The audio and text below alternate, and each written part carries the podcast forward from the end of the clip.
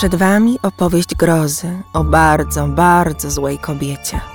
Historia jej życia i zbrodni brzmi niemal jak opowiadanie Edgara Alana Poe. Nie jest jednak fikcją.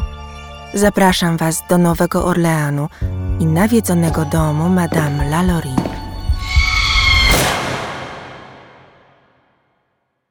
Pożar przy Royal Street wybuchł 10 kwietnia 1834 roku. Płomienie wydostawały się z okien okazałego domu pod numerem 1140 należącego do państwa Lalaurie. W mig zbiegli się sąsiedzi i ludzie z okolicy, straż pożarna i policja. Niektórzy z gapiów pamiętali wielki pożar w Nowym Orleanie, który w 1788 roku strawił niemal całe miasto. Właścicielka domu, pani Marie Delphine Lalaurie, wybiegła na ulicę i wołała o pomoc. Gdzie są wszyscy słudzy, Madame Lalaurie? pytali zgromadzeni. Madame odpowiadała wymijająco: Nie są ważni, ratujcie kosztowności, tędy panowie, tędy. Jednak ludzie nie posłuchali jej. Wiedzieli, że w domu powinno się znajdować wielu spośród ponad pięćdziesięciu niewolników pracujących na służbie u wielkiej damy. Ludzie domagali się kluczy od pokoi, które spowijał już dym.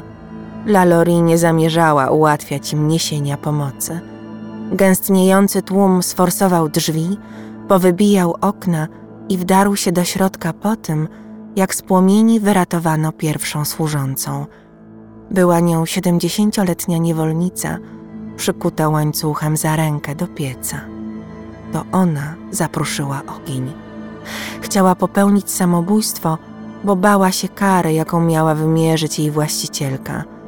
Za żadne skarby nie poszłaby na górne piętro, dokąd Lalaurie zabierała niewolników i skąd żaden nie wrócił.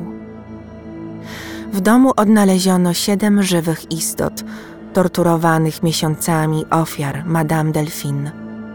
Upchnięci w ciasnym pomieszczeniu niewolnicy byli skatowani, wygłodzeni i mieli nieludzko powyciągane kończyny.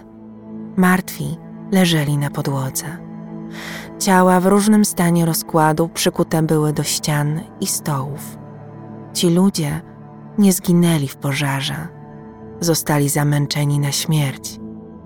Na zwłokach widać było ślady po uderzeniach bata i kolcach w obrożach, które wbijały się w szyję, by uwięzieni nie próbowali się nawet ruszyć. Wśród uwolnionych znalazła się dziewczyna z podobną obrożą na szyi i starsza kobieta z potworną raną na głowie. Mężczyzna zamieniony w kobietę i kobieta wyglądająca niczym krab, z nogami i rękami wyłamanymi pod różnymi kątami. Ciała owinięte ludzkimi jelitami, z dziurami w czaszkach, zwłoki osób, którym za życia wydłubano oczy, zdarto skórę, usta wypełniono ekskrementami i zaszyto. Oczywiście historia wywołała taki szok i przerażenie, że ciężko dziś rozróżnić, co rzeczywiście widzieli świadkowie tamtych zdarzeń, a co urosło w ich wyobraźni przez kolejne lata. Kilka tysięcy rozwścieczonych mieszkańców Nowego Orleanu wdarło się do domu Lalaurie i zdemolowało posiadłość, zadeptując i niszcząc ślady, które pomogłyby policji w późniejszym śledztwie. Nie zadeptano jednak szczątków osób zamordowanych i pochowanych na terenie rezydencji. Uratowanych niewolników wystawiono na widok publiczny w lokalnym więzieniu. Tysiące osób przyszło zobaczyć, co też zrobiła im Madame Delphine, pewnie bardziej z ciekawości niż troski o ich los. Dwie z siedmiu uwolnionych osób wkrótce zmarły. Co w tym czasie porabiała morderczyni? Kiedy tylko wybuchł skandal i wielkie zamieszanie wokół płonącego domu, jego właścicielka wskoczyła do powozu, którym podjechał wierny czarnoskóry sługa. Kobieta schroniła się w środku pojazdu, gdy ludzie próbowali ją wyciągać, odganiani batem przez woźnicę. Uciekinierom udało się odjechać. popędzili co koń wyskoczy prosto do portu, gdzie Lalaurie dostała się na szkuner, przekupiła złotem jego kapitana i odpłynęła. Najprawdopodobniej schroniła się w Mobile w Alabamie, a potem dostała się do Paryża. Kobieta zniknęła, a woźnica wrócił do miasta. Tłum zniszczył powóz i zabił konie. Nie wiadomo, co stało się z posłusznym sługą okrutnej madame. Posłuchajcie, kim była Lalaurie, jakie życie wiodła i jakie sekrety skrywała przez wiele lat. Marie Delphine McCarthy przyszła na świat w Nowym Orleanie około 1780 roku, choć najczęściej podaje się datę 19 marca 1787 roku. Jej dziadkowie, rodzice ojca, przybyli do Luizjany z Irlandii około 1730 roku. Pochodziła z dobrego i zamożnego domu. Jej rodzicami byli Marie-Jeanne Anne Lerable, wdowa po panu Leconte i Barthélemy Louis de McCarthy. Rodzina należała do śmietanki białych rodzin kreolskich w Nowym Orleanie. Kuzyn Delfin od strony ojca był nawet burmistrzem miasta, wuj gubernatorem Luizjany i Florydy za czasów panowania Hiszpanów. Matka Delfin uwielbiała życie towarzyskie i przyjęcia, na których bywała do rana albo które sama organizowała w ich domu. Zmarła w 1807 roku. Niektóre źródła podają, że zabił ją jeden z jej niewolników. Po śmierci żony Barthélemy McCarthy związał się z mulatką Sophie Mouzont, która urodziła mu w 1815 roku córkę. Rodzicami chrzestnymi byli Delphine i jej brat Louis. Nie było to nic dziwnego. Jej wujek Eugene żył przez 54 lata z czarnoskórą kobietą, nieślubną córką hrabiego Mondeville de Marigny i doczekał się z nią siódemki dzieci. Nowy Orlean był światem, w którym to mężczyźni decydowali o losie niewolników. Mogli ich uwolnić, sprzedać, mogli z nimi tworzyć pary na lata i zabijać, gdy się buntowali. Marie Delphine trzy razy wychodziła za mąż. Urodziła pięcioro dzieci. Podobno była dobrą i troskliwą matką. 11 czerwca 1800 roku w katedrze St. Louis w Nowym Orleanie niespełna 14-letnia Delphine została żoną 35-letniego oficera. Jej pierwszym mężem był Hiszpan, Don Ramon de López Janjulo, wysokiej rangi oficer, dopiero co został wdowcem. Jego żona zmarła w drodze z Hiszpanii do Luizjany. Bardzo szybko znalazł pocieszenie w objęciach młodziutkiej panny McCarthy. Ona była wymarzoną oblubienicą, śliczna i bogata, jemu też niczego nie brakowało. Ramon naraził się jednak hiszpańskim zwierzchnikom, reaktywując wstrzymany na okres wojny handel niewolnikami.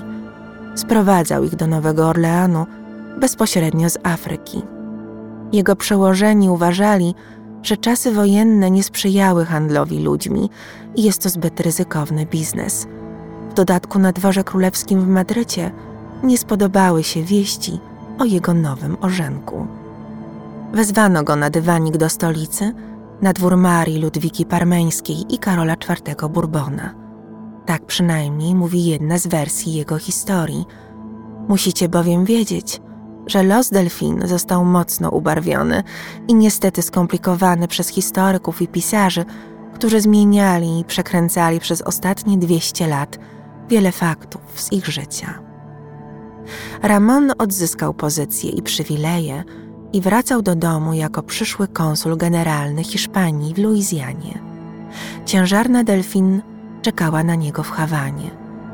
Najprawdopodobniej 11 stycznia 1805 roku, kiedy przybył z Europy, został zamordowany. Kilka dni po jego śmierci urodziła się córka Ramona i Delfin o imionach Marii Borgia Delfin López Janjula de la Candelaria, zwana Borchita. W Hawanie młoda matka i już wdowa pochowała męża i ochrzciła córkę. Obie wróciły do Nowego Orleanu. do miasta, które nie było już pod jurysdykcją Francuzów, lecz Amerykanów. W końcu 1803 roku Napoleon sprzedał Luizjanę Stanom Zjednoczonym. Niedługo po śmierci matki w swoje dwudzieste urodziny, 19 marca 1807 roku, Delphine wyszła po raz kolejny za mąż, ponownie za wdowca, tym razem Francuza. Jean-Paul Blanc był bankierem, prawnikiem, kupcem, handlarzem niewolnikami, równie zamożnym jak rodzina McCarthy. A przynajmniej tak się wydawało. Zamieszkali w domu przy 409 Royal Street, znanym później jako Villa Blanc, tuż obok banku Luizjany, którego Blanc był dyrektorem. Nie wszystkie jego interesy były legalne. Zdarzało mu się też wchodzić w spółkę z piratami, braćmi Lafitte. Delphine i Jean-Paul doczekali się czwórki dzieci, trzech córek i syna. Delphine po matce odziedziczyła plantację nad brzegiem rzeki Mississippi, 52 niewolników i bydło. Jej ojciec w posagu dodał kolejną plantację, nieruchomość przy Chartres Street i 26 niewolników. Dziś jej posag wart byłby 2 miliony dolarów. Kiedy jej drugi mąż zmarł w 1816 roku, zostawił długi o wiele większe. Delfin miała głowę na karku, zrzekła się wspólnoty majątkowej i zachowała odrębny majątek. Jednocześnie starała się spieniężyć to, co zostało z majątku męża, by spłacić jego długi. Wykupywała nawet jego niewolników. Z trudnej sytuacji finansowej wydobyła ją kolejna śmierć. Bogaty ojciec zmarł w 1824 roku, zostawiając spory spadek. Delfin wyszła po raz trzeci za mąż 25 czerwca 1825 roku. Młodszy o 15 lat mąż, Leonard Louis Nicolas Lalaurie, był lekarzem, kręgarzem. Pomógł jednemu z dzieci Delfin i tak zaczął się romans. Małżeństwo było niedopasowane i nieudane. Leonard rzadko spędzał czas z żoną. W 1831 roku państwo Lalaurie zakupili nieruchomość przy 1140 Royal Street w słynnej dzielnicy French Quarter. Madame wybudowała tam trzypiętrowy dom, w którym zamieszkała z mężem i dwiema córkami. 16 listopada 1832 roku Delfin złożyła w sądzie wniosek o oddzielenie od łoża i mieszkania swego męża. Podobno traktował ją w taki sposób, że ich wspólne życie było nie do zniesienia. Jej opinię potwierdziły dwie córki kobiety i jej syn. Pięć miesięcy później pan Lalaurie wyniósł się z domu przy Royal Street. Odtąd żyli w separacji. Lalaurie była znana w całym mieście. Jej dom uchodził za jedno z najpiękniejszych miejsc, w którym wypadało bywać. Była wpływową, bogatą kobietą, właściwie niezależną od mężczyzn. Delfin zatrudniała tylko czarnoskórych służących. Miała ich ponad pięćdziesięciu. Uważano początkowo, że była wobec czarnoskórej służby życzliwa. Na dowód tego uwolniła dwie osoby, jedną w 1819 roku i drugą w 1832. Kiedy zamieszkała przy 1140 Royal Street, wkrótce rozeszły się plotki, że jej serdeczność była udawana. W ciągu czterech lat zgłosiła 12 zgonów swoich niewolników. Przyczyn śmierci nie podano. Wśród zmarłych na pewno była 30-letnia kucharka i praczka Bon oraz czwórka jej dzieci w wieku 12, 10, 6 i 4 lat. Nowy Orlean, w przeciwieństwie do innych miejsc w południowych Stanach Zjednoczonych, chronił niewolników przed okrucieństwem ich panów, przynajmniej ustawowo i w teorii. Wiemy na pewno, że jeden ze służących delfin tak bał się kary, że rzucił się z trzeciego piętra, wybierając śmierć niż tortury. Legenda mówi, że po tym skoku pani Lalaurie kazała okno zamurować. Jest zamurowane po dzień dzisiejszy, choć to już nie ten sam dom, ale o tym za chwilę. Biła i zastraszała własne córki, jeśli próbowały pomóc niewolnikom. Zanim cała przerażająca prawda wyszła na jaw, miasto obiegła historia ośmiolatki lub jak piszą niektórzy historycy dwunastolatki, Lee, która szarpnęła panią za włosy niechcący podczas czesania. Kobieta wpadła w szał, z batem wrzeszcząc zagoniła dziewczynkę na dach, stamtąd dziecko spadło na bruk i zginęło. Ciało dziecka zostało pochowane nocą na terenie posesji. Świadkowie zdarzenia donieśli o tym na policję i zmusili funkcjonariuszy do nałożenia grzywny na kobietę. 300 dolarów kary i obowiązek sprzedania dziewięciu niewolników. Czy to wystarczało za wyrównanie krzywd, jakich doznawali jej służący? Wcale. Lalaurie zrobiła to, co jej nakazano, lecz odkupiła niewolników z powrotem, z pomocą pośredników. I tak znów znaleźli się w domu tortur. Podejrzewano, że mąż, Leonard, też był zamieszany i brał udział w eksperymentach na ludziach. Praktykował podobno medycynę voodoo. Jedne źródła podają, że Delphine Lalaurie zmarła w Paryżu 7 grudnia 1842 roku. Pod koniec lat 30.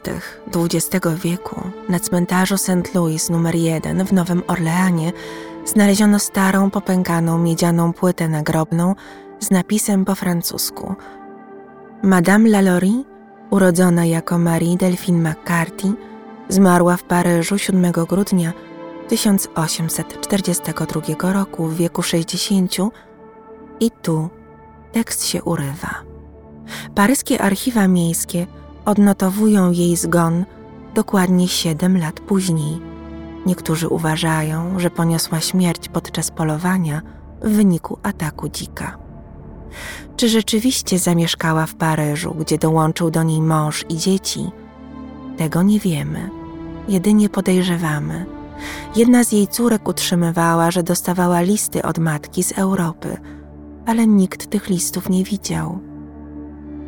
Okoliczności śmierci dwóch pierwszych mężów Delfin oraz tego, co stało się z panem Lalaurie podczas pożaru i po nim, są do dziś nieznane. Dawny dom Delfin wyremontowano dopiero w latach 80. XIX wieku. Służył za siedzibę szkoły średniej, konserwatorium muzyczne, przytułek dla młodych przestępców, bar, sklep meblowy, apartamentowiec. W kwietniu 2007 roku dom kupił Nicolas Cage za 3 miliony 450 tysięcy dolarów. Co ciekawe, dwa lata wcześniej aktor nabył inną nieruchomość w Nowym Orleanie, dawną katolicką kaplicę, która należała do Anne Rice, autorki cyklu Kroniki Wampirów. Dokumenty własności zostały tak przygotowane, by nie pojawiało się na nich nazwisko aktora. Dwa lata później, 13 listopada 2009 roku, bank przejął obie nieruchomości i wystawił na aukcję. Za 2 miliony 300 tysięcy dolarów dom Lalaurie kupił inwestor finansowy Regents Financial Corporation.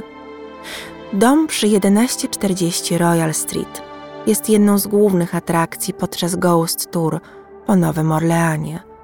Wciąż określa się go jako nawiedzony dom, w którym straszą duchy katowanych niewolników i Madame Lalaurie. Ludzie słyszą jęki i kroki, czują złą energię emanującą z murów budynku. W 1894 roku, gdy w domu wynajmowano pokoje, zginął tragiczną śmiercią jeden z lokatorów. Został brutalnie zamordowany, a jego rzeczy splądrowano, jednak nic nie zginęło. Podobno przed śmiercią skarżył się na obecność demona, który skazany był na wieczne potępienie. Postać Lalaurie inspiruje twórców popkultury.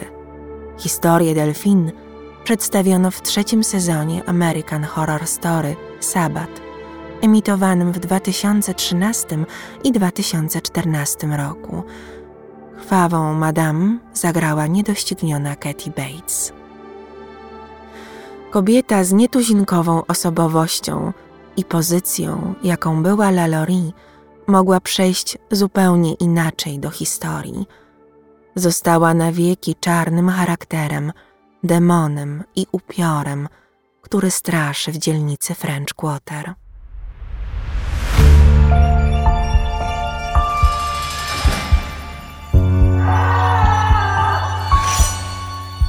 Dziękuję za Waszą uwagę. Zapraszam po więcej historii zbrodni w kolejnych odcinkach. Subskrybujcie mój kanał. To mnie bardzo motywuje do przedstawiania Wam kolejnych opowieści i dzielenia się dość nietypową wiedzą. Zapraszam też do mojego worka kości, inspirowanego Nowym Orleanem, niezwykłego autorskiego koktajl baru i domu burleski, który prowadzę w Warszawie.